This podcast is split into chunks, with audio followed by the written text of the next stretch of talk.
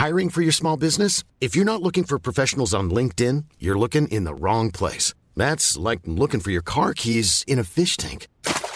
LinkedIn helps you hire professionals you can't find anywhere else, even those who aren't actively searching for a new job but might be open to the perfect role. In a given month, over 70% of LinkedIn users don't even visit other leading job sites. So start looking in the right place. With LinkedIn, you can hire professionals like a professional. Post your free job on linkedin.com slash people today.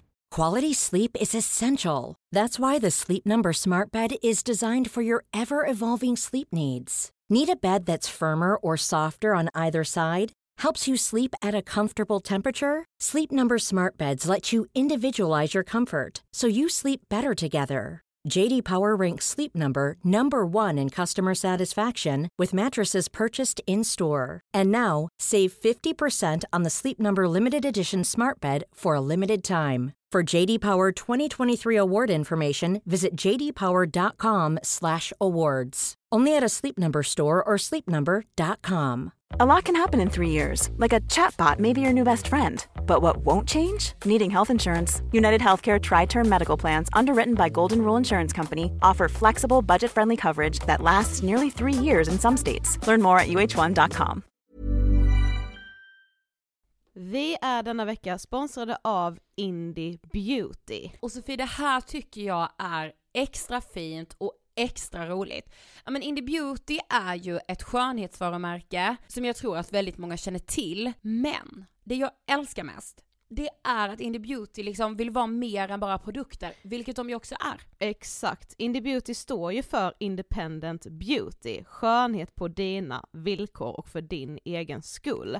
Och Indie Beauty tror ju stenhårt på ett alternativt skönhetsideal fritt från måsten, skam och känslor av otillräcklighet. Där är jag helt med Indie Beauty. Jag med. Det är så jag vill att skönhet ska vara. Ja men verkligen. Och vet du vad som är nytt för i år Sofie? Berätta. Från och med i år så skänker Indie Beauty 1% av sin försäljning till Suicide Zero, Tjejzonen och Djurens Rätt. Så när man handlar produkter från Indie Beauty så kan man liksom känna att man också ger tillbaka till samhället. Ja, kraften i tillsammans. Ska jag säga en sak nu då, Mm. som jag, det, men det är detta jag är extra glad över.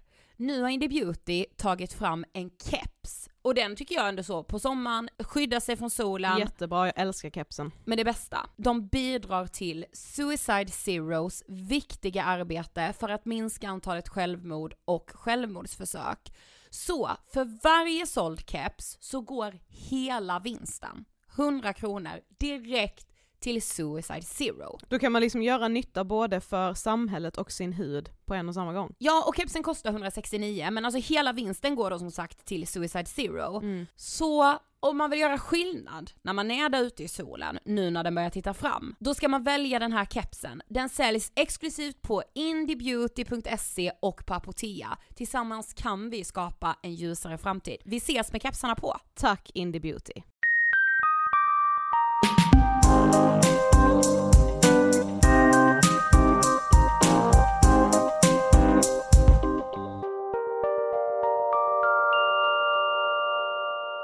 Hej allihopa och välkomna till avsnitt 393 av Ångestpodden. Hej på er! Nu är vi liksom inte före Nej, längre. vi är i fas. I fas. Vi har varit på semester i Spanien. Ja, Varmt var det. det var varmt men det var också lite härligt. Ja men det var härligt, men du vet alltså den värmen, jag tror många kan få lite ångest över. Ja, Alltså av att känna, för alltså den värmen är ju liksom, man är ju inte van va? Nej men man kan väl också få ångest bara av själva, alltså så här, det är verkligen också så, Sveriges största, eller världens största ilandsproblem, att så, åh det är liksom, man ska ha det härligt hela tiden du vet. Ja men gud det har man inte. Men ja, nej men nu har man lite så, du vet när man kommer hem, när jag satt och klippte intervjun som ni ska få lyssna på alldeles strax, så att jag gjorde i förmiddags. Du vet man är lite så, jag kan, nu kan jag faktiskt, dels så eh, saknar jag min lägenhet i Stockholm jättemycket. Ja. Jag längtar tillbaka till Stockholm väldigt mycket. Ja. Och så här, längtar faktiskt lite efter vardagen. Ja. Men också kan jag bli den här skitstressade att så, nu är det snart över. Ja, jag vet. Ännu Nej. en gång. Ja samma, samma, samma. Ja. Och jag är med så, jag och min kille bor ju tillsammans på somrarna, nu ska jag snart åka ifrån honom. Alltså jag orkar typ inte det. Alltså jag är bara så, han måste följa med mig i väskan. För att jag är trött på distansförhållande samtidigt som vi liksom har det, ja du vet. Massa, massa, massa så. Och, och, men jag är fan också taggad på höst, nu svor vi som vanligt. Ingen ångestpodd utan svärord. Veckans gäst. Ja, Det här, jag var liksom nervös redan när vi mejlade henne. ja jag med. Och sen var det lite så, du vet mailkorrespondensen gick ganska långsamt så jag tänkte att så här, det här är ingenting hon vill. Nej. För idag har vi med oss poddgurun och medieprofilen, kulturskribenten Anna Björklund. Ja, och för oss blev väl Anna känd, eh, eller vi blev bekanta med Anna när hon ju drev podden Della Q. Ja, verkligen. Och också när hon var med i Tankesmedjan Ja. i P3. Yes. Eh, och jag har ju liksom alltid sett Anna som en väldigt, väldigt smart person.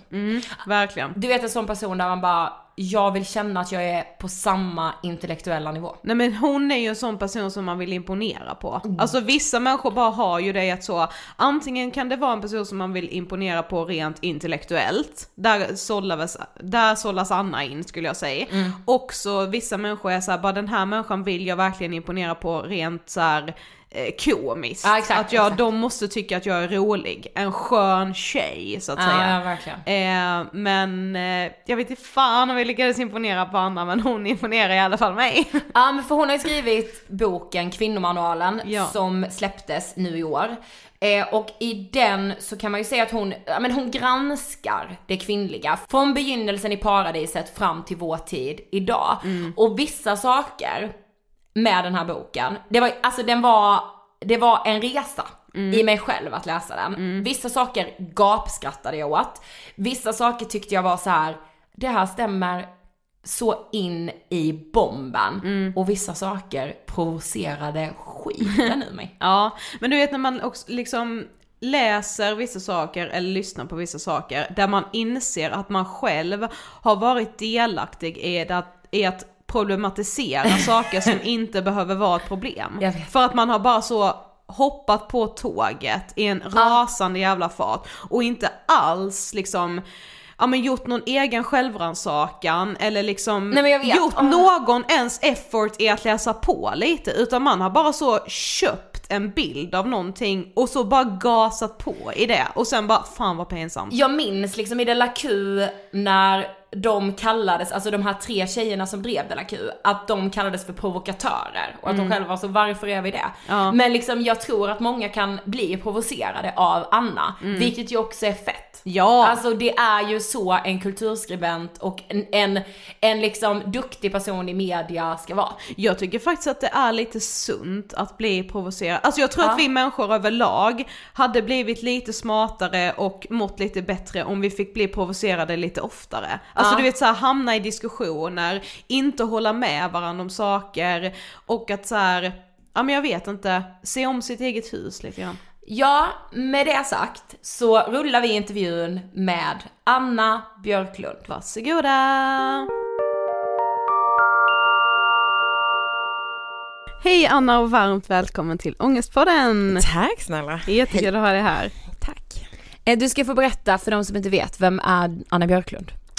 Jag är väl eh, numera främst författare kanske. Jag har skrivit en, en essäsamling som heter Kvinnomanualen och eh, sen är jag också skribent i Aftonbladet och Fokus och GP och själv också poddare och har ett litet poddföretag.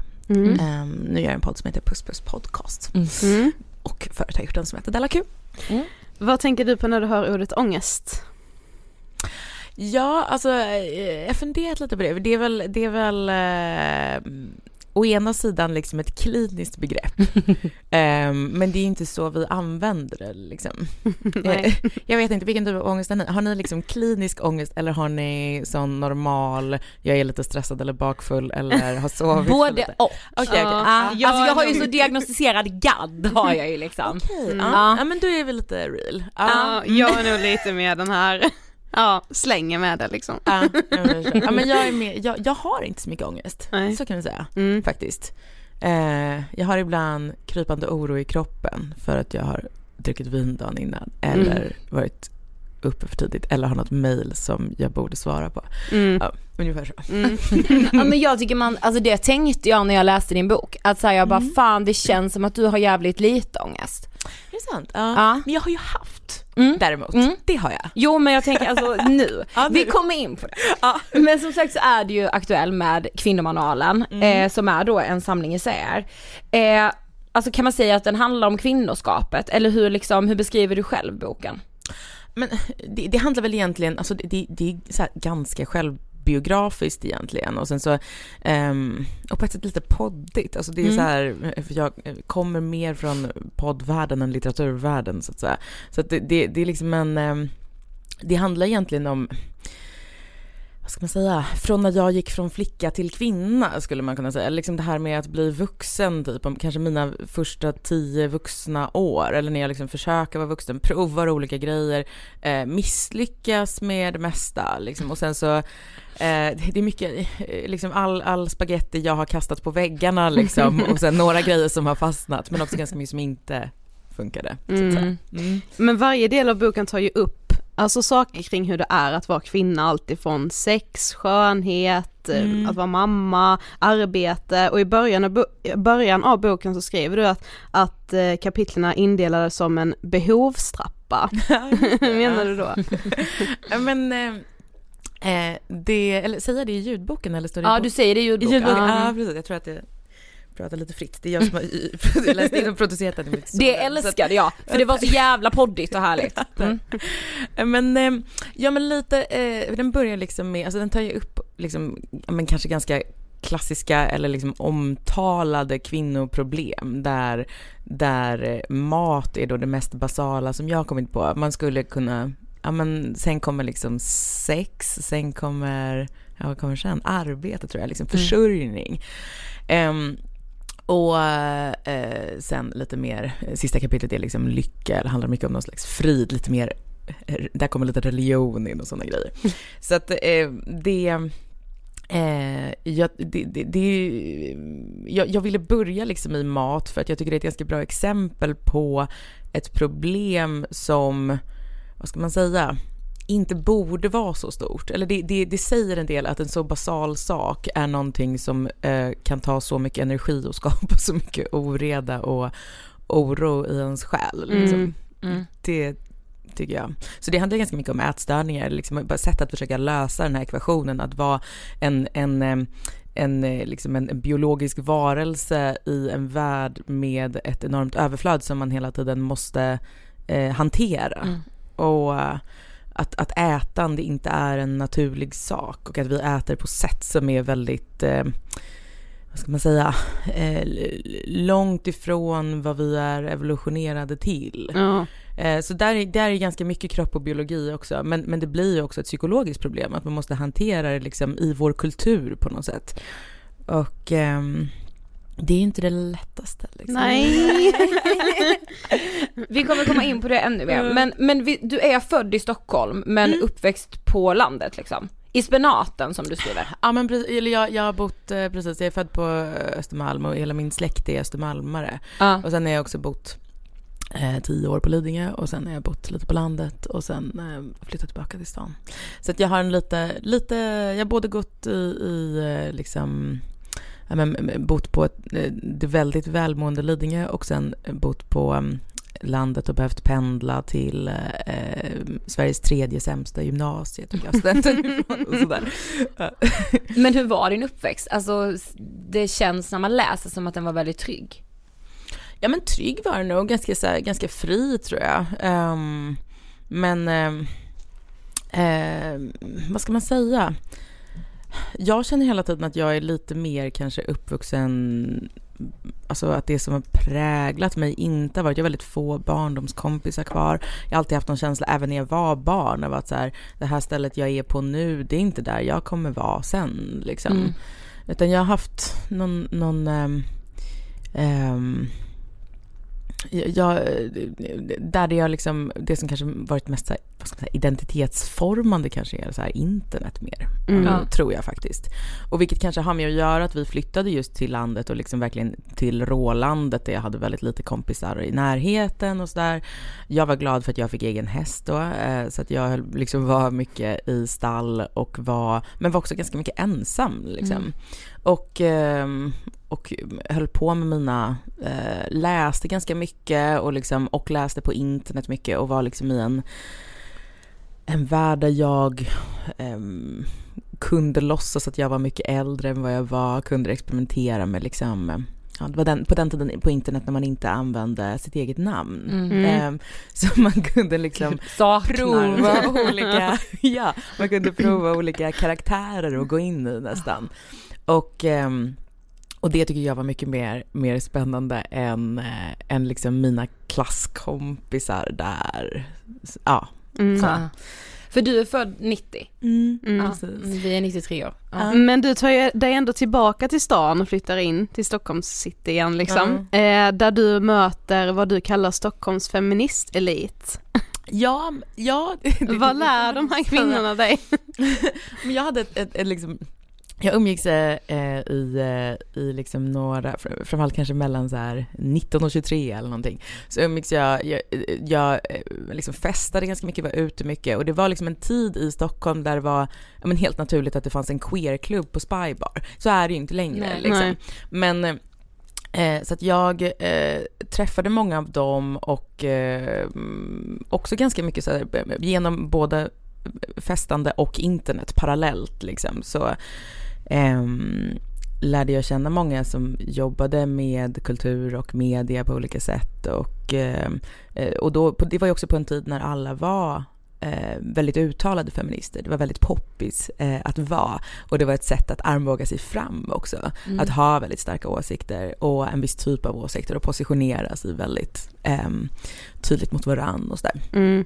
Så att, eh, men vad det lärde mig, ja alltså det var, väl- det var väl att det var eh, ganska mycket ett spel. Eh, alltså påminner ganska mycket om min, min tillvaro på hästforum när jag var 12 liksom. Att, att, att det, det var man, att folk gick in i en karaktär, gick ut på en scen liksom, Mm. där de ehm, uttryckte någonting som, som lika mycket var liksom ett sätt att eh, ta uppmärksamhet, liksom eh, det där med politiken eller liksom vad som var gott och rätt och liksom de högre idealen, det var ganska långt bort ifrån Mm. liksom det här, det var mer som ett, en performativ grej. Man, man för eh, vad ska man säga, det var mycket viktigare att, att hamna så dramaturgiskt rätt och välja en rätt konflikt och välja en, en, eh, en, liksom en, en snygg pås än att ehm, kanske förbättra världen. Mm, mm. Ja men det, för du beskriver i boken, alltså att när du sitter på ditt golv och dricker bag-in-box och det är någon kompis till dig som liksom så här, ja men hon berättar om patriarkatet och vad liksom, vad, Så många och, som har velat berätta för mig om och där, alltså det är som att hon vill liksom värva dig till den här rörelsen, det, alltså det känns så här sekteristiskt typ. Ja men precis, ja lite, och då, då, då, då var jag nog kanske, ja men då var jag kanske 20 och jag, och var liksom ett så här Ja, jag vet inte. Jag vet inte vad, det, var, jag, det var många som försökte värva mig till olika saker i perioder i mitt liv. Men det har ju liksom pratats om att feminismen blev som en typ statusmarkör under Mm, 10-talet. mm. Vad tänker du kring det? Men det, det har ju varit ett sätt så att äh, många liksom stora företag har velat förknippas med liksom de värdena. Man kan liksom, eh, man köper en så här, en cool, ung så här hiphop tjej med hår under armarna eller liksom en, en kroppsaktivist som, som man tänker är poppis och liksom signalerar någon slags godhet och så. Alltså det har ju varit ett, ett sätt att ta sig fram ehm, på ett sätt som ibland kan liksom vara lite pyramidspelsaktigt, Mm. det har jag eh, tyckt. Mm. Ehm, att, att det inte är säkert att det de står för eller förmedlar är någonting som liksom följarna egentligen kanske själva mår bra av. Men, men det kan vara en, ibland som en lindring i stunden. Mm. Att de, de säger det är okej att vara så här och så här och så här så ja det är okej, men vad, men vad ska vi faktiskt göra för att, för att må bra lite mer långsiktigt? Den diskussionen har jag hela tiden saknat lite grann. Att man har velat liksom, um, det har ju varit bra på många sätt också, alltså att, att, att ehm, vad ska man säga, adressera tabun, liksom vilja, um, alla, att alla liksom normbrott har ju, har ju haft en väldigt, så här, ja men kanske så här i stunden ångestlindrande effekt på folk. Mm. Eh, att det känns skönt, ah vad bra, jag behöver inte vara, äh, äh, må dåligt över hur jag ser ut just den här sekunden för mm. att någon har just nu sagt att det.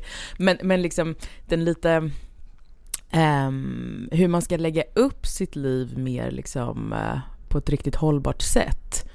Det är någonting annat. Ja, men så är det ju verkligen. Ja. Och det är jävligt intressant, alltså jag, det tänkte jag också på, alltså just nu med din bok och jag tror jag också började tänka på det, för när Li släppte Della Kud, när du gjorde det tillsammans mm. med Moa Wallin och Bianca Meijer, mm. alltså den var ju som en jävla frisk fläkt, alltså vi kommer ju liksom från en liten stad, så Karlshamn, mm. där, när jag flyttade till Stockholm 2013 hade jag liksom aldrig kommit i närheten av feminism, flyttade hit och det var så här, ja men Lady Damer och Cissi Wallin som släppte så penntricket och man var så, åh gud allt är männens fel och sen kom Della Q och man bara vänta jag kan se på saker på ett annat sätt också. Mm. Men ni fick ju ändå, alltså det kändes som att det bara var så här, ni är så jävla konservativa, alltså hur, hur, ja, vad tänker precis. du om det? Ja, alltså det, det, det är lite konstigt så här. Eh, det, det, det, det är någon slags kritik som jag har, eller jag vet inte om det är en kritik, men, det, men jag har blivit kallad det, eh, trots att jag, alltså jag själv aldrig liksom tagit en ism i min mun, så att säga. Alltså jag är inte så, jag följer för sig politik och skriver om politik och sådär, men, men jag, jag röstar själv inte. Jag är liksom mm. inte politiskt aktiv på det sättet, utan jag försöker att, att liksom inte ha några ideologiska skygglappar, för att jag tänker liksom att ingen av de, de liksom stora ideologierna som är så formulerade på eh, 1700-1800-talet, alltså att de har så jättemycket bäring på det som jag ser nu, utan jag tänker att man måste våra samtida problem är ju, eh, men de, de kommer från ett annat håll helt mm. enkelt. Um, och visst, det kan vara liksom intressant att, att läsa filosofins historia och så där. Det är klart man kan hitta liksom spännande grejer ibland. Men, men att liksom, jag är inte politiskt troende på något sätt egentligen. Um, men, men däremot så har jag ju så försökt förstå och försökt förklara vissa av de grejer som eh, kvinnor har gjort historiskt, eller människor har gjort historiskt. Och inte automatiskt fördöma det för att det var någonting som hände förr i tiden när alla skulle vara dumma i huvudet av någon anledning. Utan, utan liksom försöka tänka att så, ah, men det kanske finns någon slags, på, eh, allt kanske inte beror på ett, liksom, ett förtryck, utan det kanske finns liksom en, eh, en praktisk anledning till eh, vissa eh, av sakers ordning. Mm.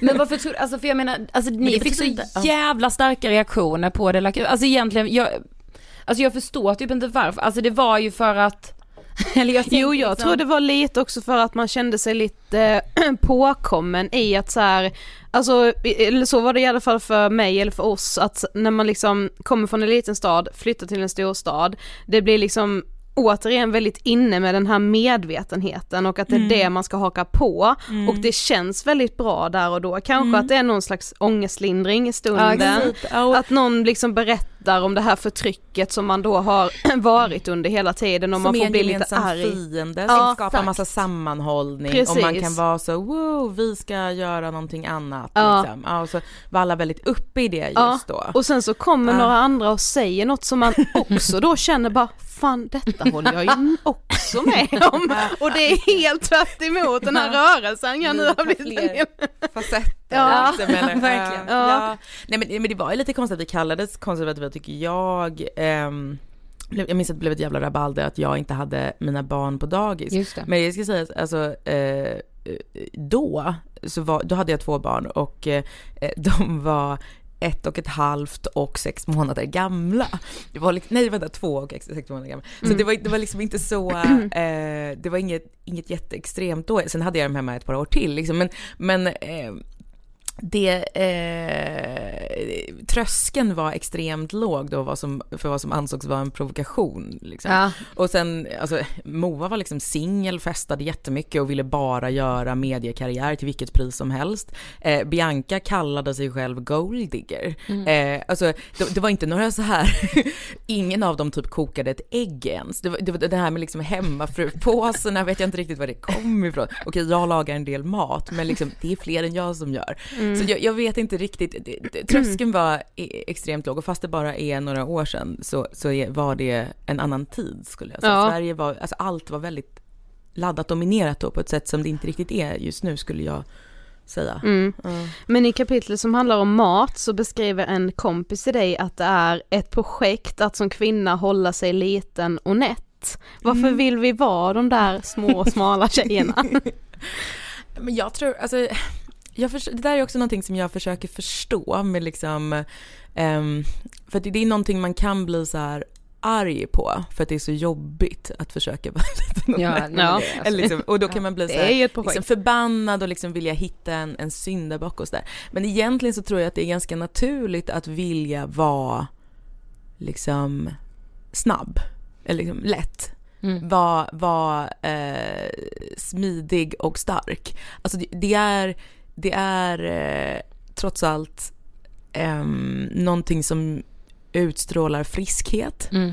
Alltså ni vet man, jag, eftersom jag är gammal hästtjej, jag tror, jag, tror- tror att jag har det som exempel i boken också, att man ser ju så här, det är inte bara människor, alltså när, när ett djur visar upp sig så spänner det också musklerna och fjädrar i steget Mm. liksom. Och, och, eh, och det är precis det som, som människor gör när vi går ut i livet och ska ta plats och vill bli tittade på.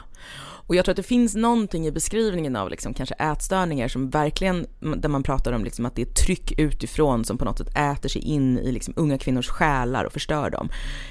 Det, jag tycker inte, det är inte min erfarenhet riktigt att det är exakt så det funkar utan för mig handlade det väldigt mycket om min egen ambition. Alltså att jag ville eh, bli tittad på, jag ville ta plats, jag ville liksom dundra ut i någon slags vuxenliv och eh, erövra det. Och det hängde ihop med att jag, eh, jag ville söka, söka folks blickar och, och eh, eh, göra mig så se så stark ut som möjligt, se så oantastlig ut som möjligt, se så, ja. det- Men tror du då att den ambitionen kom från, alltså att den var biologisk och inte att den ambitionen kom Alltså det- från att, Ja, det, det, precis. Det, så här, sen, sen så finns det ju, alltså det finns ju också skönhetsideal som, som eh, på, eh, liksom i någon mån ändras. Men just det där, jag tror att det, är- det faktiskt, det kommer alltid finnas en styrka i att vara just lätt, stark, snabb. Det, kom, alltså det, det kommer alltid det, Mm. tror jag faktiskt. mm, Bara, det, och det, det, det är nog um, något, eh, bara för att den känslan är också så här ehm, lite oöverkomlig. Men vi, alltså när du var yngre och liksom hade ätstörningar som du själv beskriver, visste du jag, där? jag skriver också att all, all jag, jag pratar om att alla har ätstörningar. Så Ja, jag, liksom, jo. jag vet inte om jag skulle klassas som att jag är liksom kliniskt Kliniskt, ätstörning. Jag vet inte. Ja. Men, men det alltså, är lite som ångest. ja, Precis, det är lite så. Ja. Men visste du där och då att så här, fan jag har problem med maten eller var du liksom stolt över och, och, och så här, jag kan späka mig alltså Uh, jag tänkte nog att Uh, ja men det var ju ett problem, men pro- jag tyckte inte att, att problemet var liksom Alltså det största, största problemet tyckte jag var att jag inte lyckades. Alltså Mm. att, att, jag, att jag kunde, jag visste att jag var, jag var liksom ganska listig eh, i hur jag skulle lura mig själv och lura min kropp och liksom stå emot eh, frestelser och behålla kontroll och sådär. Men, men det funkar ju inte, min strategi funkade ju inte i längden. Utan jag kunde upprätthålla det ett tag men liksom jag började alltid så sova dåligt, få mycket så oro i kroppen, då får jag ångest. Liksom. Mm. Mm.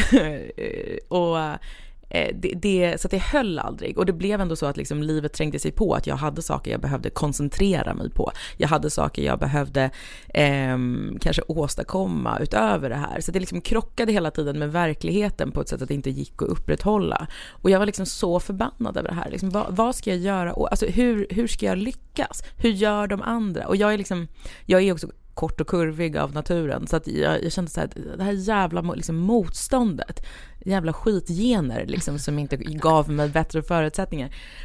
Men ehm, så det var mest det, men, men, men, men alltså jag var ju jättemedveten om liksom ätstörningsbegrepp Mm. Jag har haft kompisar som liksom, alltså aktivt försökt uppnå liksom eh, viktkraven för anorexikliniker och så. Alltså det känns som att vi pratade inte om någonting annat än liksom psykisk ohälsa och strukturella förtryck när jag var ung. Liksom.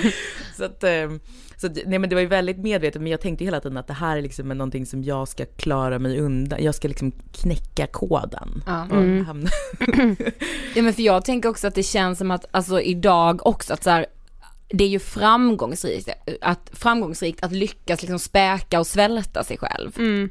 Precis, ja, men, och det, det, det, där sambandet eh, märkte ju jag också av. Alltså mm. att eh, det var just, alltså de som jag såg upp till eh, var ju också alla smala. Mm. Eller liksom, eh, och höll på på samma sätt. Och eh, det, eh, men, om man kollar på så här eh, bilder från liksom på, på eh, Bob Dylan, hans kompisar på 70-talet, alltså alla väger ju typ 40 kilo. Mm. Och det är väl för sig för att de pundar också, det är ju en så här utväg som många hittar. Men det är ju också så här eh, någonting som passar med ett visst eh, en viss liksom just scenpersona där liksom att, att eh, vad ska man säga, ja men Mick Jagger-grejen liksom att, att eh, vara typ en enda stor spänd muskel. Alltså det är både så väldigt sexuellt och mm. väldigt mm. så här, det, det, är just det här att, att, eh, att låta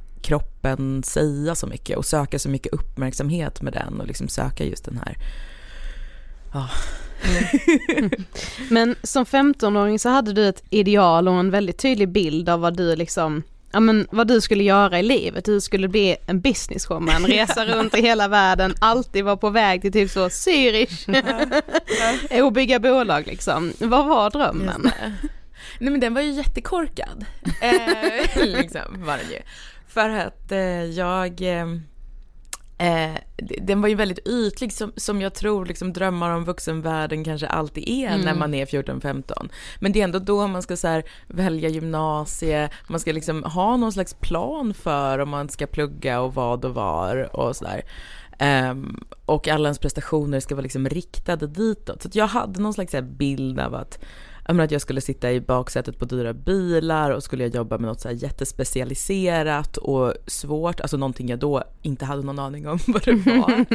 det var liksom ingick. Mm. Um, och eh, eh, jag skulle analysera siffror på något sätt. Eh, så tänkte jag mig.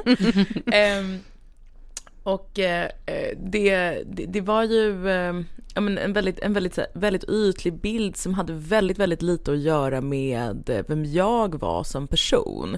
Utan det var någonting som helt kom utifrån. Att jag tänkte liksom att det här, eh, det var ju väldigt kulturellt eller vad man ska säga. Ja. Alltså det var någonting som kom utifrån där ehm, jag märkte att, eh, eller jag, jag tänkte liksom att om man, om man inte gör detta så har man förlorat. Mm. Alltså eh, allting annat är en kvinnofälla. Mm. så att säga. Det här är liksom, eh, har man vunnit i livet så ser det ut så här. Ja. Och då bryr man sig jättemycket om pengar. Alltså det här, jag hade ju ingen tanke på liksom relationer överhuvudtaget. Det fanns liksom, det var inte så att jag aktivt hade tänkt så här, nej men jag ska inte ha familj. Utan jag hade bara inte, hade inte, tanken hade inte slagit mig. Och ehm, så så, så uh, det hade ju varit konstigt liksom om jag som 15-åring hade sagt så här, nej jag kanske vill ha barn. Ja. Då hade ju, liksom, vad hade de vuxna sagt då ungefär? Eh, så att, så att nej, men jag försökte liksom leva upp till någon sån bild av en sån här, eh, en, en duktig kvinnlig framgångsmaskin. Som, eh, men det funkade liksom aldrig sen när jag försökte göra det i praktiken för att jag, jag visste inte egentligen vad jag, vart jag egentligen var på väg så att säga. Och det fanns inget av det som egentligen kom inifrån mig utan det var en, en hela tiden att jag jagade vad någon annan gjorde. Jag försökte anpassa mig efter det jag trodde skulle vara. Och det är egentligen en ganska så manlig grej att hålla på med den typen av erövrande liksom.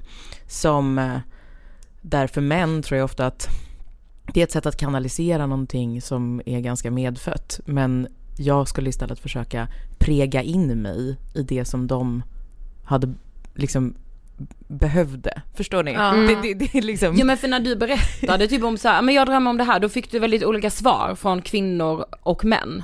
Mm, mm. Alltså att kvinnor Just var, det. ja. Mm. Ja men för att eh, det, det, och det, det fattade jag liksom ganska alltså, långt senare. Att eh, jag såg så här att, att de kvinnor som, som ändå eh, ja, men som, som var framgångsrika och så här, de hade ändå en annan strategi som var just att göra det som de hade sett fungerade. Mm. Vilket är ju någonting som handlar om så här, hur riskbenägen Ja, man är exakt. kanske. Eller, ehm, så de, de upprepade någonting som en annan hade gjort och det gjorde ju att de aldrig riktigt var i den absoluta spjutspetsen utan de jagade ju hela tiden. De var ju alltid tvåa på bollen. Men, men tyckte att de gjorde liksom någonting som var eh, eh, klokt och, och liksom beprövat Ja. och sådär. Medan när jag pratade med, med liksom framgångsrika män så var det ju helt givet att så här, eh, alltså risktagandet var väldigt medvetet och, och, och, och det var helt givet att man liksom åkte på en del smällar också. Alltså helt givet att, alltså för så är det ju om man tar en medveten risk så vet man att även om det är ett så här hyfsat bett så vet man att alla kommer inte gå hem liksom.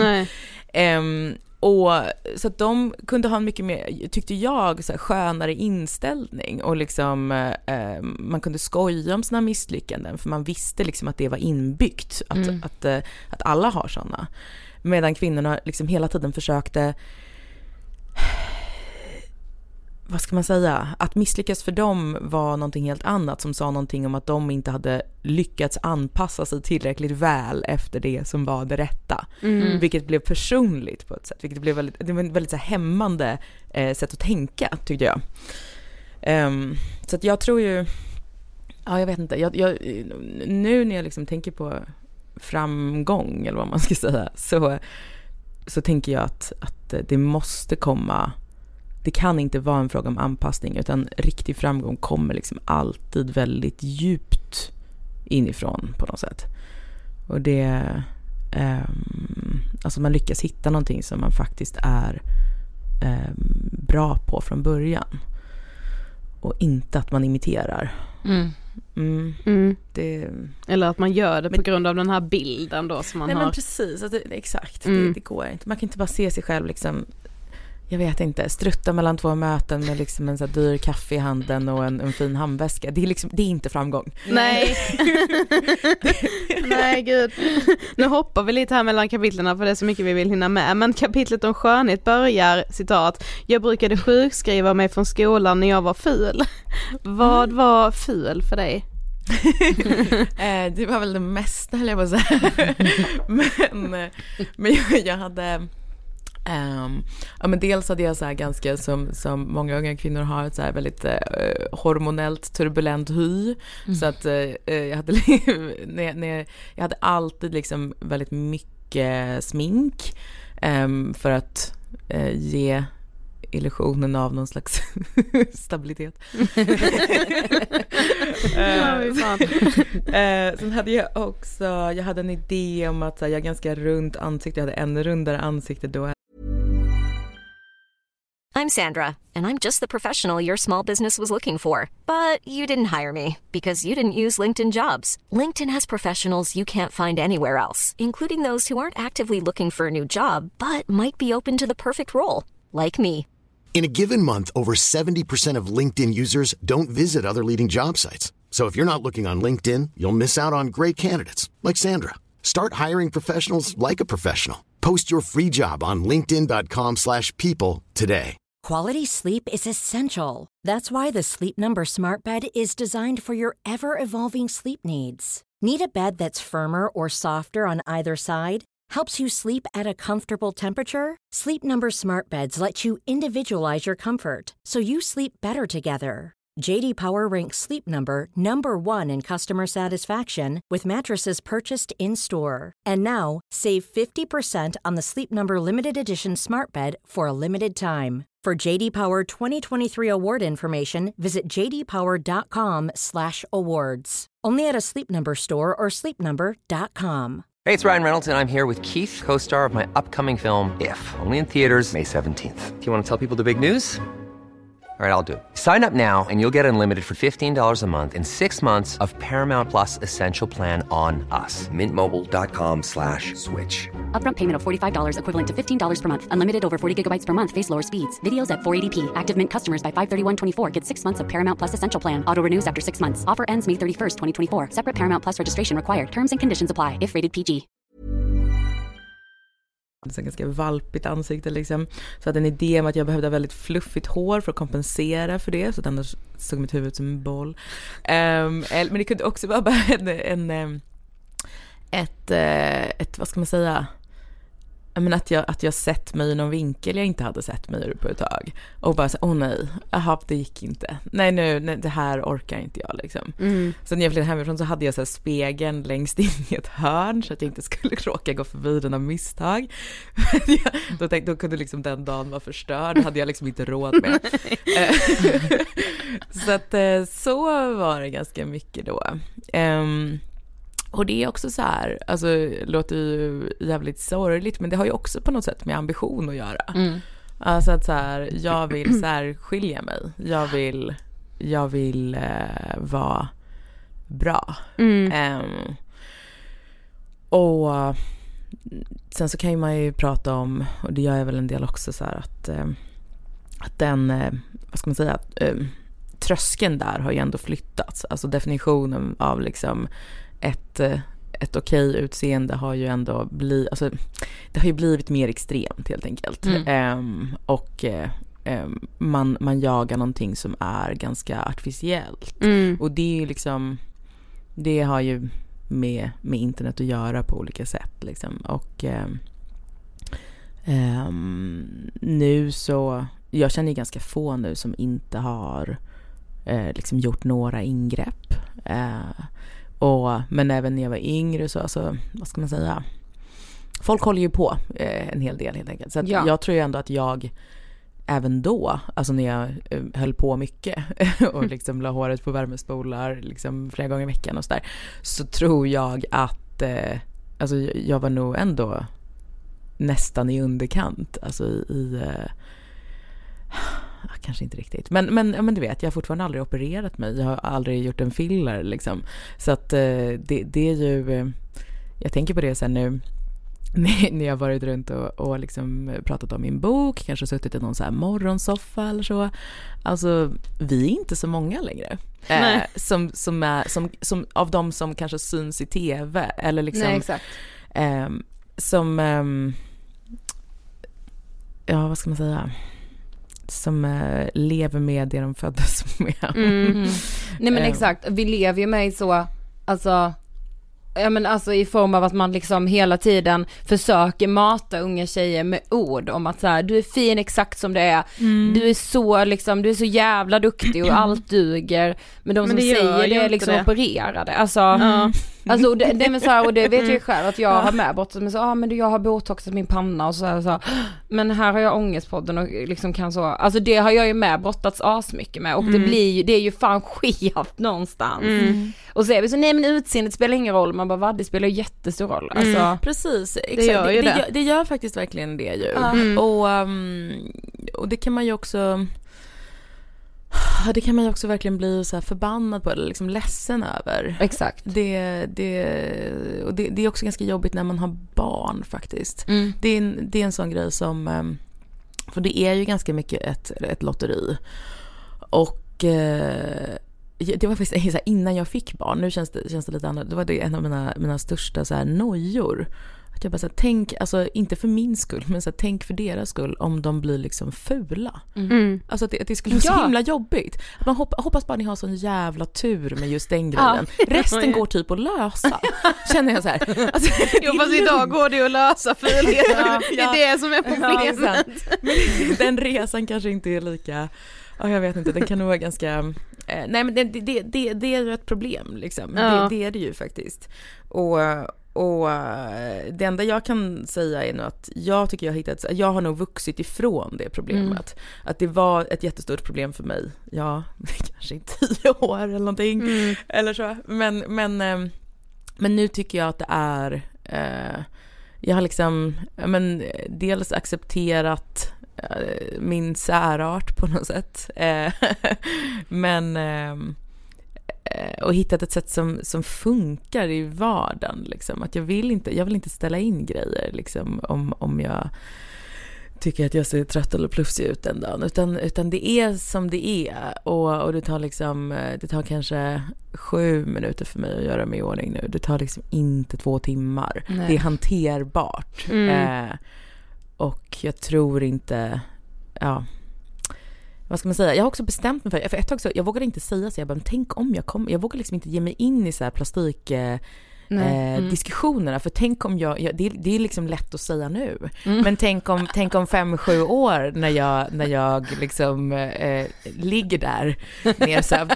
Hon ska stå för alla poddavsnitt Ja, precis. Eh, så, att- så att, eh, jag vågar inte längre. Men nu tror jag faktiskt jag har bestämt mig för att jag, jag kommer nog inte göra någonting. Nej. Liksom. Eh, för jag, jag, jag, utan jag, jag tror att jag kommer vilja åldras. Jag tror att jag kommer vilja, eh, alltså eftersom det är så många i den här stan särskilt som, som ehm, har gjort grejer och fortsätter göra det. Så Mm. då tänker jag att, ja men jag är okej med att jag kommer se lite weird ut. Alltså jag kommer ju göra det jämfört med alla andra, så att säga.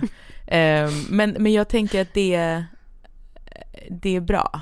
Mm. Det får vara så. Mm. Ehm, Men jag tänker också, alltså ni vet, för det vet jag också att du skriver om, alltså hela liksom, alltså det blir så jävla förljuget att prata om, alltså hur jävla viktigt det är att vara sig själv och du är så himla fin som det och du, du är inne på din mat kapitlet också i att så, men du har någon lärare som är så, åh det är viktigt vad man äter men så står hon där och, med någon jävla termos med grönt te, alltså att så här, det, vi är liksom så matade av sånt hela tiden, man bara hur ska någon kunna tro på det här? Nej. Så är jag ju med med Precis. hela matskiten när folk är så, åh ät fermenterat och tänk på dina tarmbakterier. Man bara, du bantar ju, kan du inte säga det? Alltså, Ja, nej men precis, och just det där förljugna tycker jag är ganska jobbigt. Och, Mm. och alltså, ehm, ja men sådana förebildsfeminister liksom som är eh, själva är råopererade. Nej men jag har, jag har, jag tycker att det är, det, det är rätt eh, irriterande bara faktiskt. Mm. Och eh, så att, men jag brukar ju använda ordet banta till exempel. Alltså jag tycker Ja, det är ganska Det bra tycker jag man ska göra, klä inte in det. Nej. Det är ju det. Nej men precis, det är det. Ja. Sen, jag håller på med fermenterat också. Eh, men, men, eh, och man kan ju försöka, det tror jag kan vara bra liksom och så här, vad ska man säga, ehm, klä sina egna projekt i liksom, alltså ge den typ en estetisk inramning, eller ni vet. Eh, alltså jag har smink men jag har, men, men, men eh, jag har liksom de här eh, ekologiska märkena som drivs av kvinnor som, som Ja. har liv som liknar mitt. Alltså då, Ja. då tänker jag att, det, att man, jag ger det liksom en ehm, eh, det är inte bara för att linda in det eller förställa det liksom, utan det ger också en liten annan, Mm. eh, lite annan ton. ja nej men ja, det, det köper jag också. Men, men ett kapitel som provocerade mig lite är det som heter eh, eh, hushåll, nej jo, jo hushåll heter det. Och, men kanske typ dels för att jag inte har tänkt så mycket på det och det jag har tänkt är liksom något jag har lärt Det känns som att det är i min feministiska ryggrad. Typ, för du beskriver att du gör dubbelt så mycket obetalt arbete som din man och så skriver du så här, jag gör dubbelt så mycket obetalt arbete som min man och jag hade inte ens behövt göra hälften. och också att du så här, att du är så, men hushållsarbete är inte så kopplat till din man typ. Nej, det har inget med honom att göra. Nej exakt. men berätta om det, alltså hur kan det inte ha det? Jag är så, nu bor inte jag tillsammans med min kille men Mm. Alltså jag är ju, alltså jag har ju någon så nitisk bild av att allt Mm. måste vara 50% lika, jag vill absolut inte städa en millimeter av en lägenhet mer än vad han gör. Och sen är jag så, varför inte då? Nej men det, jag har ju Ja. märkt det sen boken kom ut att det, det är så en rad som, som liksom, alltså tiotals människor citerat för mig och det är den att min man aldrig har startat en tvättmaskin. Ja just det, det ja just det, nej då, ja, då var jag med såhär, nej men nu! Ja, fan. Det, det var tydligen liksom det tyngsta. Det är det tyngsta artilleriet du liksom verkligen har. Ja. Nej men så är det ju liksom. Ehm, och Nej men där tror jag, alltså eh, det, det kan bero på liksom eh, vår dynamik på något sätt. Men, men, men för mig, det, alltså jag har alltid varit ganska intresserad av det där. Alltså det, det är lite mitt så här och blev framförallt när vi bildade familj, att jag ser liksom vårt hem som så här scenen som jag bygger åt mina barn. Liksom mm. Deras minnen kommer vara liksom av väggar jag har målat, eh, grejer jag har satt upp. Eh, det är liksom, jag har valt varenda pryl där inne och jag tar hand om det också. Alltså mm. det här är liksom en del av mitt allkonstverket som är att leva liksom. Mm. Eh, så att jag eh, Um, ja, men, det är också någonting som är ganska kul att så här, göra med sina barn. Alltså, uh, jag inte så mycket för att så här, alltså jag startar inga stora lekar, jag är ingen sån jag försöker inte underhålla uh, dem på det sättet. Men, men de brukar ju, liksom, de slåss nästan om att vara med när vi ska baka bröd. Liksom. Mm. Eller de, de, det, det, är ett väldigt så här, jag tycker det är ett väldigt skönt sätt att umgås liksom, som familj, att man gör saker. Så att jag, så här, jag syr liksom en del, ja men just så här, jag, har målat om, äh, äh, grejat, vi städar, plockar liksom. Um, och de här uppgifterna har, liksom, har blivit fler och fler hela tiden. Alltså när, jag, när jag och min man träffades så, så bodde jag i en etta och eh, då var inte det så himla, alltså vi var två personer och men vi åt middag ihop men det är liksom, ja vi, vi eh, gjorde någon så här sallad, det, det, det, är inte så jobbigt, inte så mycket att diska, ni vet. Så. Mm.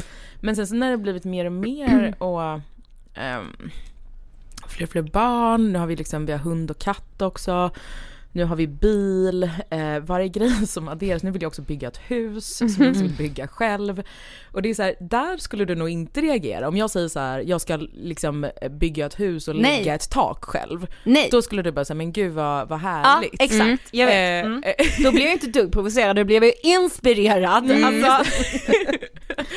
Precis. Eh, och, och kanske heller inte om jag säger så att jag, jag har sytt gardiner. Nej. Då, då tänker också så jaha, va, va, ja, ja det, det, är ingen fara liksom. Nej, nej, inte alls. Men däremot starta tvättmaskiner, ja. ja. Precis, då är det något i mig mm. för att det liksom, det sitter i mitt så, mm, det är det här jag har lärt mig i feminism, att jag mm. inte Ja. Att, äh, att diskhon är liksom slagfältet. Exakt. Och, och, det är där allting ska avgöras. Ja. Och det, alltså jag tror att det har mycket att göra med liksom någonting som hände under 1900-talet som är en ähm, vad ska man säga, att, att, att i och med, ja men kanske efter, efter eh, man började bygga en typ av moderna bostäder som är liksom där mycket är prefabricerat, massproducerat, eh, efter man, ja men jag har så här en fortfarande handdukar hemma som min, nu ska vi se, gammelfarmor är det va? Har vävt eh, och av så här linnegarn som hon har färgat själv och liksom så. Och de är jättefina och funkar jättebra. Eh, men, eh, och jag har alltid liksom, ja men just väva kan inte jag liksom. Mm. Men, men, men eh, de, de, är liksom väldigt vackra. Ja. Och, och det var någonting hon gjorde på kvällarna istället för att dricka bib framför tvn kanske och ha ångest. Mm. Eh, och, och just att hitta dem, eh, jag tycker att, liksom att samhället har tagit ifrån liksom, människor det där roliga. Som är att liksom gör, skapa saker, göra saker med händerna. Ha, ha den typen av makt över sitt, sitt liv, sitt hem, sin familj, sin omgivning. Och istället liksom ersatt det med då konsumtion. För att om en, om en liksom kökshandduk kostar alltså 19 spänn på Lagerhaus, alltså då, då finns det inte samma, det är svårt att motivera sig på samma sätt att, att uh, gå Sätta ner och väva. sig och väva. Ja, ja precis. Ja. Det är ju det, men, det, men det, jag tycker att det är någonting som man har stulit från människor ganska mycket också. Um, och eh, så att jag försöker behålla det och märker att det är också någonting som jag mår bra av, att göra saker med händerna, att, att um, att, eh, ja men nu har jag också så här lite stor eh, driftsprinciper för att vi börjar bli så många i min familj så jag, försöker, jag lagar inte mat så ofta. Jag gör liksom, mitt mål är att laga mat tre gånger i veckan och att det ja. sen ska liksom funka. Men, men, eh, men ändå, alltså att, att ähm, att ta på sig den rollen, att vara den som liksom, jag, jag är också den som betalar räkningar, gör inköp, liksom kollar så här, vad har vi i skafferiet, vad ska vi, vad ska vi äta ur den här veckan? Mm. eh, och, och det ger, liksom, det tar ju tid eh, och, och allting sånt, men det ger också mitt liv en, eh, eh, en inramning som, alltså jag trivs väldigt bra i den rollen.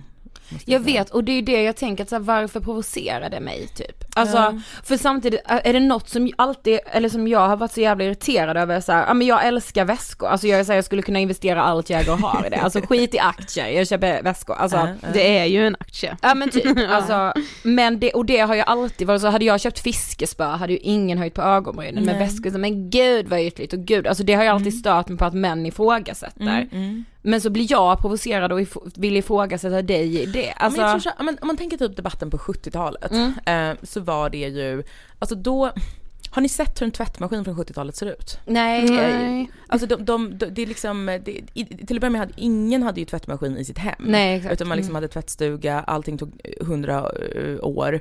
Och liksom diskmaskin fanns inte. Eh, ma- när man skulle betala räkningar behövde man typ gå till banken Ja. med ett kuvert. Alltså ehm, att, att, eh, att handla mat behövde man gå till liksom flera olika affärer. Alltså snabbköp fanns eh, lite men inte riktigt på det sättet. Alltså, ehm, att, att gå till ett apotek var också typ ett halvdagsprojekt. Alltså liksom, livet tog längre tid Ja, exakt. Allting var också dyrare. Reallönerna är tre gånger så höga idag som på Mm. 70-talet. Ehm, och eh, jag kan liksom medan jag nattar min bebis liksom veckohandla och få det hemlevererat. Mm. Eh, och det, det, vad ska man säga? Eh, hade det varit på 70-talet, då hade mitt liv nog, hade jag tagit samma ansvar då, så hade det kanske varit liksom mer inlåsande, för då kanske inte min tid hade räckt till någonting annat. Mm. Nu kan jag jobba också. Sen, alltså det är vissa grejer som jag gör avkall på, så att jag hade kunnat göra mindre hemma, jobba mer och liksom konsumera mer till exempel. Men, men det, det ger inte mig samma känsla av mening eller liksom sammanhang eller så.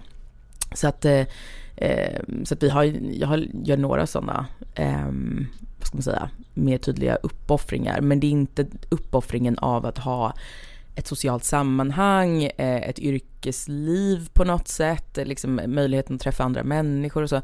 Alltså, för det är också så här en, en, en grej som, som var väldigt förknippad med liksom bilden av hemmafrun. För den Mm. var ju, den var ju liksom väldigt eh, för hemmafrun var ju väldigt eh, kritiserad redan när den fanns så att säga. Mm.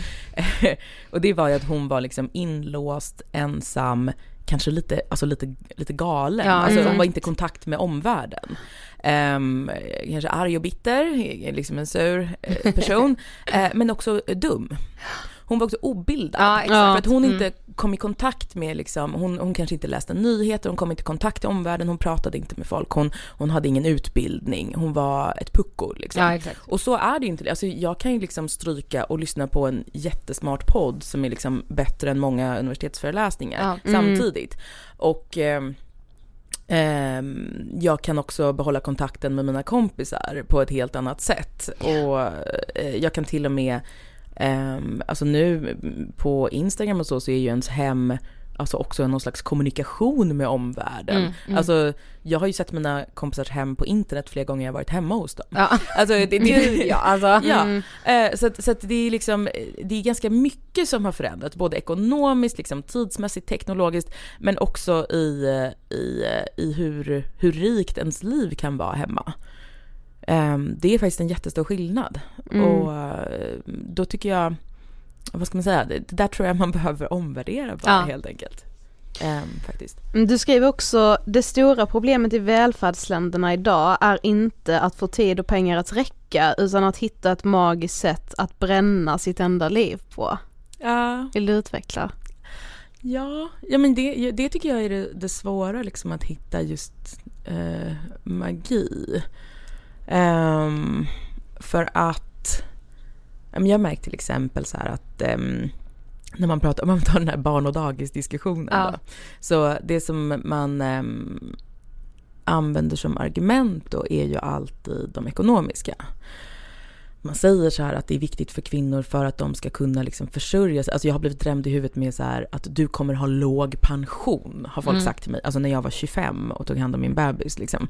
Så att ja, alltså pensionen kanske inte är det viktigaste jag tänker. Liksom, ja, ni, ni förstår. Mm. Ehm, man använder liksom de här ekonomiska argumenten för att ehm, eh, Eh, uppmuntra kvinnor till en, en, en viss livsstil. Och, och jag eh, ehm, tror inte att, eh, alltså, eh, sen har ju liksom åldern på när barn börjar på dagis har, har sjunkit väldigt mycket sen eh, liksom, och millennieskiftet. Typ. Mm, mm. Och under den här perioden så har det varit högkonjunktur nästan hela tiden. Det har varit jättelåga räntor. Eh, reallönerna har stigit ytterligare som sagt. Eh, och eh, människor har helt enkelt inte haft det trängre ekonomiskt. Det är inte det som har hänt. Eh, utan det är eh, en livsstilsförändring mm. helt enkelt. Samtidigt som då, så att människor har eh, alltså mer ekonomiskt överskott än på länge. Nu får vi se, nu kanske det ändras. Ja, ja vi är på väg in i lågkonjunktur ja, läste jag innan. Så att eh, så kan det ju vara och det, räntorna kanske blir jättehöga och folk kanske verkligen kommer behöva sätta sina barn på dagis av ekonomiska ja, skäl. Exakt. Mm. Eh, men så har det inte varit utan, utan ehm, Men ändå är det det som har varit argumentet, ja exakt. det är ju asintressant. Ja, alltså... det, det, precis. Och det är ju lite för att man inte vill ta i vad det egentligen betyder. Och det jag tror att det egentligen betyder, jag tror att de flesta sätter sina barn på dagis eh, tidigt för att de inte vet vad de ska göra med sina barn. Ja. Och för att de känner sig så exkluderade från den riktiga världen så att mm. säga, när man är med sina barn. Att man går runt och och liksom man, eh, jag, kände, jag fick inte riktigt vara med. Plötsligt är man inte riktigt välkommen på restauranger. Plötsligt är man inte riktigt välkommen i andras hem. Plötsligt kan man inte riktigt delta. För att det där har blivit så separerat. Alltså den, den professionella världen, liksom den vuxna världen. Där är man inte en diande biologisk varelse. Utan där är man i en annan roll. Och, och det där, det var jag väldigt chockad över när jag fick barn. Hur, mm. hur otroligt ensamt jag tyckte att det blev. Um, och sen har ju mycket av mitt liv efter det handlat om liksom att försöka göra det mindre, ja men försöka göra lite mer, vad ska man säga, magiskt. Mm. Um, försöka, försöka få det där att, att gå ihop och försöka skaffa ett sammanhang och både sätt att försörja mig och sätt att liksom um, vara med andra människor trots att jag då är förälder. Ja. Och, men det är inte jättelätt liksom. Nej. Det visst inte. Men, men vi tänkte, men liksom när vi läste din bok, alltså, eller jag har mycket tänkt på så här unga tjejer, alltså vi växte ändå upp på 90-talet och jag har tänkt mycket på liksom ja men att vara ung tjej idag och växa upp. Mm. Och som vi har varit inne på nu också. Om man liksom tittar på samtiden och utgår från att så här, ja men psykisk ohälsa bland unga ökar, det är allt fler tjejer blir ätstörda, eh, allt fler unga kvinnor hinner knappt in på arbetsmarknaden innan de liksom är utbrända. Mm. Alltså vad tänker du framförallt att så här, vad beror det på att just tjejer mår allt sämre? Ja, det, det är en bra fråga. Um, det blir en kombination, kombination av allt, eller Men jag, jag, har mm. liksom aldrig, jag har aldrig svårt att förstå när någon, en kvinna blir utbränd. Nej. Jag tänker alltid, ja, det, det, det var väl en tidsfråga Ja, all... mm. ja. Eh, och det, det, det, vilket ju eh, gör det ännu konstigare mm. egentligen. Um, så att, nej jag tror jag tror att den här just, just anpassningarna är, um, är dåliga. Det tror jag verkligen. Alltså att hela tiden känna att man um, ska liksom placera sin kropp och sitt psyke och sin, um, sin uh, rikta sin drivkraft liksom efter vad som man tänker ska vara liksom, någon annan som har bestämt. Liksom. Det, det, det, tror jag är väldigt dåligt. Mm. Och uh, det, det, kan ju låta så här, vad ska man säga, eh, så här, jaha, vad är alternativet då? Mm. Liksom. Eh, men eh,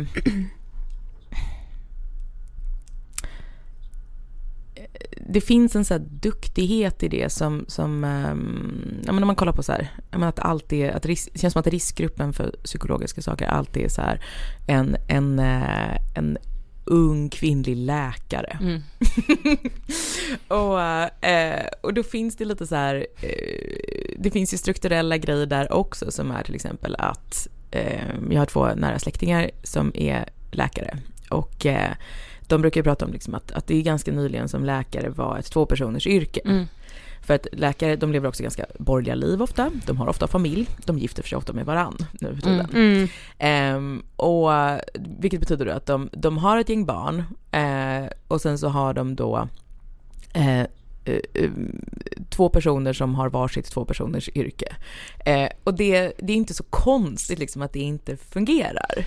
Um, och sen så har man då dessutom lärt sig att eh, för att inte hamna i den här liksom fällan så ska man liksom inte ge sig själv något sväng eller andrum utan man ska liksom ånga på. Uh, och uh, det är också någonting som andra kvinnor säger till en ganska mycket. Att, uh, att liksom, nu, ska, nu, nu är det vår tur, nu ska du ta för dig, nu, nu är det detta som gäller. Och nej men jag tror bara att den liksom cocktailen alltså blir den är inte så hållbar och jag tror egentligen så vet alla som håller på med det. Men, mm. Eh, men man kanske inte riktigt, man kanske inte hittar något alternativ. Jag vet inte. Mm. Man, ja. Sitter där och tänker, nu har jag gått den här jävla utbildningen, nu ska jag väl casha hem. Exakt. Mm. Äntligen. Och så. ja och jag tänker med ja. att man liksom tänker att fan allt annat kommer också lösa sig i form av relationer, i form av familjebildning, alltså mm. att våra liv är liksom så, jag vet inte. Alltså att inte plugga vidare är ju liksom men det finns ju inget alternativ. Alltså det är ju typ det jag skäms Nej. mest för, att jag inte har pluggat. Mm. Att, ja. ja. ja men så å ena sidan är det liksom det viktigaste som finns, att man ska rätta in sig i ledet. Mm. Samtidigt som det är typ rädslan att vara en person som bara har rättat in sig i mm. ledet. Mm. För att man vill ja, alltid liksom mm, mm. ändå ha gjort något mer och vara den här liksom, ja jag vet inte, det, ja, det är också en av mina så skämsgrejer, att jag inte har pluggat. Men det, det, det har jag inte tänkt på, men jag har pratat en del med min man om det faktiskt. Som, som ehm, att han pratar liksom om, om eh, att kvinnors medvetenhet och medvetenhet om medvetenheten. Det var också en, en av eh, recensionerna av min bok som var skriven mm. av en man. Han pratade också om så här, att, att det kändes så eh, liksom smärtsamt för honom, sa han, att, att, att, att just se medvetenheten och medvetenheten om medvetenheten. Mm, alltså, ja. liksom, att de här, eh, och det är någonting som jag tror eh, alltså, eh, killar slipper ganska mycket. Mm. Att man ser inte sig själv utifrån så i varje steg. Och det är också någonting som jag tror eh, liksom internet har spett på. Alltså, internet spär ju på könsskillnader av någon konstig anledning. Ja. Liksom. Det är som att de pinpointar liksom, kvinnors och mäns svagheter ja. och, och förstorar dem. Mm, liksom, killar blir nätporrsberoende ja. och spelmissbrukare och tjejer får istället liksom, den här medvetenheten och typ det här sociala trycket. Liksom, ja, och utseendefixering. Ja, ja, precis. Och, och, och kanske så här, ja men statusmedvetenheten blir så enorm. Mm. Um, vilket ju i, i, en liten skala kan vara någonting, alltså det kan ju vara ett verktyg verkligen att kunna läsa ett rum, att liksom förstå vad folk egentligen vill, att liksom eh, se, se hackordningen, se, mm. se, se de där mekanismerna och att det eh, det sociala och det kommunikativa som, som, kvinnor också är bättre på, alltså det, det är ju någonting som har gjort att vi, ja men du vet, eh, inte dör ensamma i lika hög utsträckning som män. Men på internet så blir det liksom i kubik och då blir det plötsligt en fara för oss själva istället. Mm. Eh, och ibland en fara för andra när man organiserar sig i drev eller något sånt. Liksom. Ja. Det är också så här, eh, en, ja vad ska man säga, att vara väldigt duktig på grupppsykologi blir plötsligt en, eh, ett problem. Och då, ja, um, det börjar väl hända lite också att, att uh, det är också någonting som kvinnor börjar bli medvetna om nu. Ja. att, ja, man vaknar hela tiden. Ja, att det är så ständigt, ja. Att, att, liksom, att, äh, att, att, aspirera på lite omedvetenhet äh, är liksom, det är, det är liksom ett, ett, ett nytt statusprojekt. Ja, alltså fy fan det var sant. Vi har kommit till sista frågan. Ja. Vad inspirerar dig? Uh, oh, bra fråga. Um, ja, um, Alltså just nu, jag såg en dokumentär om Georgia O'Keeffe nyligen. Som är en så här, en modernistisk amerikansk konstnär som eh, hon eh, hon hade väldigt mycket tror jag en medvetenhet eh, och eh, valde en väldigt här, tydlig position i, i, eh, i konstvärlden och sådär. Men, men hennes livshistoria var liksom att hon, eh, hon blev ihop med sin gallerist och de var liksom varandras musa. Och, eh, och han eh, fotograferade henne naken, så slog hon igenom ganska mycket. Eh, och sådär, så de var liksom både ihop och kollegor och eh, det var också han som sålde hennes tavlor och var ganska delaktig i hennes karriär. Och sen eh, träffar, hon en, eh, träffar han en, äh, kommer in en så här ung kvinna när, när hon kanske är ja, 40-50 någonting och liksom tar hennes roll helt. Alltså blir hans nya musa, den nya han fotograferar, blir hans kollega i galleriet och och då, det hon gör då är inte att klösa ögonen ur den här tjejen. hon blir inte, alltså hon, hon, det blir en kris för henne mm. såklart. Mm. Men hon blir inte liksom äh, rasande hämndlysten arg på sin man på det sättet. Utan det hon gör bara är att bara så här bestämma sig, okej okay, det här är ett nytt kapitel. Och då flyttar hon ut till öknen, eh, bor där själv tills hon, eh, hon dör där när hon är 90 någonting. Eh, och ehm, eh, rider, går och färdas med bil i, i liksom eh, i öknen och målar sina absolut bästa tavlor. Och liksom det, det är de, mycket de landskapsmotiven där som liksom är hennes kanske ja, men, största eftermäle. Sådär. Och det inspirerar mig. Ja. Um, och det är någonting som jag har upptäckt också. Att liksom att um, eh, positionerande särskilt kanske gentemot andra kvinnor, kanske mot yngre kvinnor eller andra som man tänker sig liksom konkurrerar med. Att det är, det är så en, en, död väg. Jag tror att hon hade blivit en fruktansvärd konstnär om hon hade stannat i New York och liksom försökt vinna tillbaka sin man eller ni vet, fortsätt mm. spela det spelet. Mm. Utan um, um, när livet händer så man, vad ska man säga? Det är väl inte sant att, att kris alltid är utveckling, men kris kan vara utveckling. Mm. mm. Det tycker jag man ska komma ihåg. Vad kan man se? Jag vill liksom se den nu alltså. Det, jag såg den på SVT Play. Ah, okay. Mm. Mm. Um, och um, uh, jag tror att den finns kvar där. Den, mm. Och var hittar man din bok? Min bok hittar man, eh, nu finns den att köpa igen, den var så himla slutsåld några veckor. Men, men nu finns den nog överallt och ljudboken finns på eh, alla ljudboksplattformar. Mm. Tack så jättemycket för att du ville ge stångens för den. Tack för att jag fick vara med. Vad Tack. kul Tack. Mm. Mm. Det är ju liksom många saker vi bockar av här för att det var mycket ämnen i kvinnomanualen som vi kände så här, det här kan vi inte hoppa över.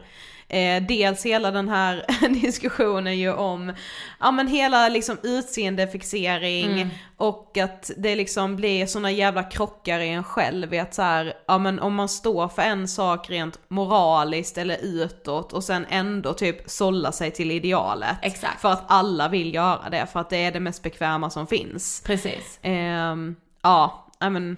Äh, men det är, jag, jag rekommenderar alla, alla, alla att läsa kvinnomanualen. Mm. Eh, för att den är, ja men den väcker mycket. Och mm. du kommer hålla med om saker och du kommer absolut ha saker som du bara, jag spyr. Ja, Vilket är liksom otroligt. Sunt i min värld. Ja.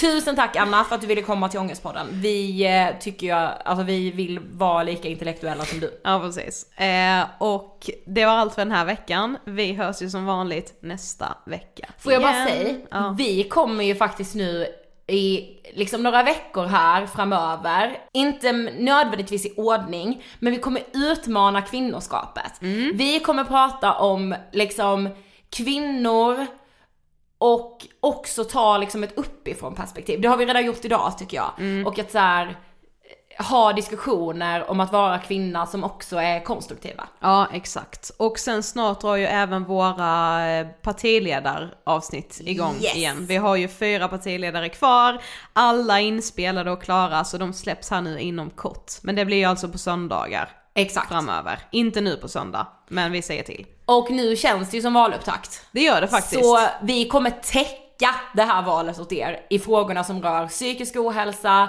elevhälsan. Gå in på 3minuter.se och skriv under om du inte redan har gjort det. Vi har redan över 10 000 namnunderskrifter, vilket är helt fantastiskt. Ja, Vårt mål är ju 15 innan valet, det ska vi klara. Det ska vi klara. Jag känner det. Okej, tack så jättemycket för den här veckan. Vi hörs som vanligt nästa vecka. Det gör vi, hejdå!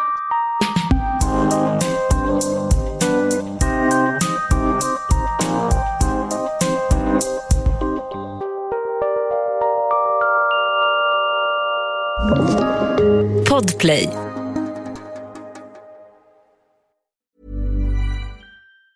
Planning for your next trip? Elevate your travel style with Quince. Quince has all the jet setting essentials you'll want for your next getaway, like European linen, premium luggage options, buttery soft Italian leather bags, and so much more. And it's all priced at 50 to 80% less than similar brands. Plus, Quince only works with factories that use safe and ethical manufacturing practices. Pack your bags with high-quality essentials you'll be wearing for vacations to come with Quince. Go to quince.com slash trip for free shipping and 365-day returns. Hi, I'm Daniel, founder of Pretty Litter. Cats and cat owners deserve better than any old-fashioned litter. That's why I teamed up with scientists and veterinarians to create Pretty Litter. Its innovative crystal formula has superior odor control and weighs up to 80% less than clay litter.